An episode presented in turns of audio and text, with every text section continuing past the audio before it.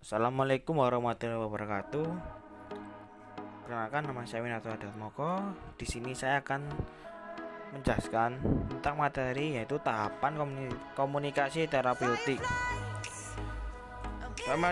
Komunikasi terapeutik yaitu ada empat macam yaitu tahap persiapan atau berinteraksi, tahap perkenalan, tahap orientasi, dan tahap kerja atau tahap terminasi ini akan menjelaskan empat materi itu.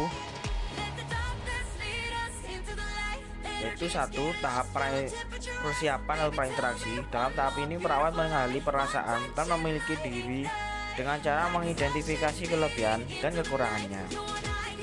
Pada tahap ini juga perawat mencari informasi tentang klien sebagai lawan bicaranya setelah hal ini dilakukan, perawat merancang strategi untuk pertemuan pertama dengan klien. Terhad, ter, tahapan ini dilakukan oleh perawat dengan tujuan mengurangi rasa cemas atau kecemasan yang mungkin dirasakan oleh perawat sebelumnya melakukan komunikasi terapeutik dengan klien.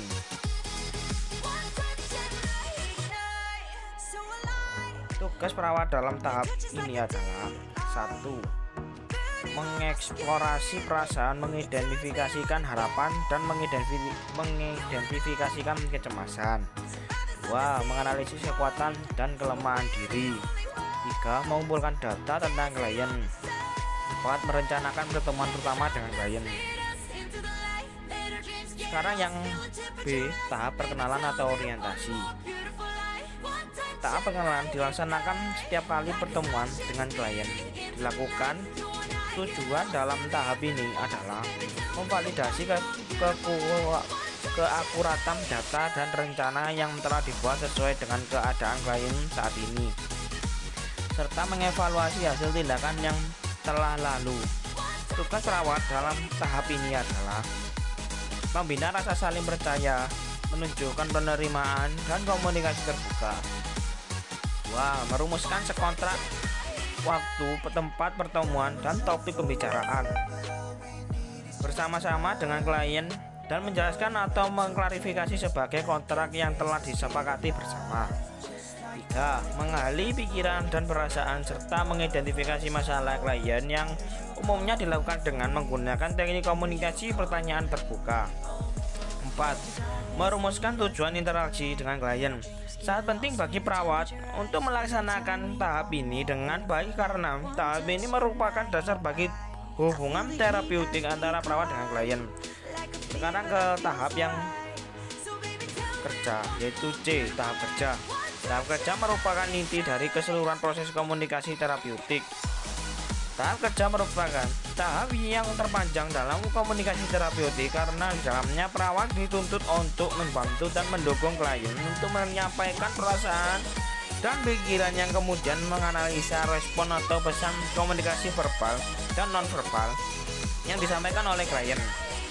Dalam tahap ini, perawat mendengarkan secara aktif dengan penuh perhatian sehingga mampu membantu klien untuk mengidentifikasikan masalah yang sedang dihadapi oleh klien, mencari penyelesaian masalah dengan mengevaluasinya. D. Tahap terminasi Terminasi merupakan akhir dari pertemuan perawat dengan klien. Tahap terminasi dibagi dua, yaitu terminasi sementara dan terminasi, terminasi akhir. Terminasi sementara adalah akhir dari setiap pertemuan perawat dan klien.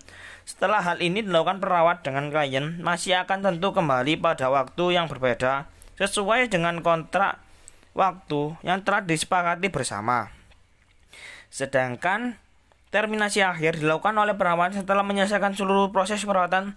Tugas perawat dalam tahap ini adalah yaitu ada tiga tahap yaitu satu mengevaluasi pencapaian tujuan dari interaksi yang telah dilaksanakan. Menyatakan bahwa meminta klien untuk menyimpulkan tentang apa yang telah di, didiskusikan merupakan sesuatu yang sangat berguna pada tahap ini. Dua, melakukan evaluasi subjek dengan cara menanyakan perasaan klien setelah berinteraksi dengan perawat. Tiga, menyepakati tindak lanjut terhadap interaksi yang telah dilakukan tindak lanjut yang disepakati harus relevan dengan interaksi yang baru saja dilakukan atau dengan interaksi yang akan dilakukan selanjutnya. Kesimpulan dari komunikasi terapeutik yaitu perawat adalah tugas medis yang memang paling banyak jasanya dalam menjalankan tugas-tugasnya. Tanpa panggilan jiwa, seorang perawat akan sulit melaksanakan tugasnya dengan baik.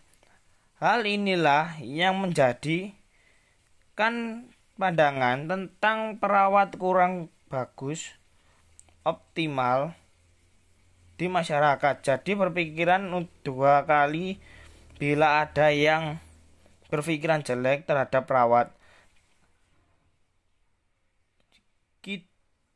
Di dibalik tentang seseorang yang belum dalam pertanyaan pelayanan kesehatan. Tapi peran perawat dan fungsi perawat bukan hanya pada saat melakukan pekerjaannya di institusi. Bisa institusi kesehatan saja.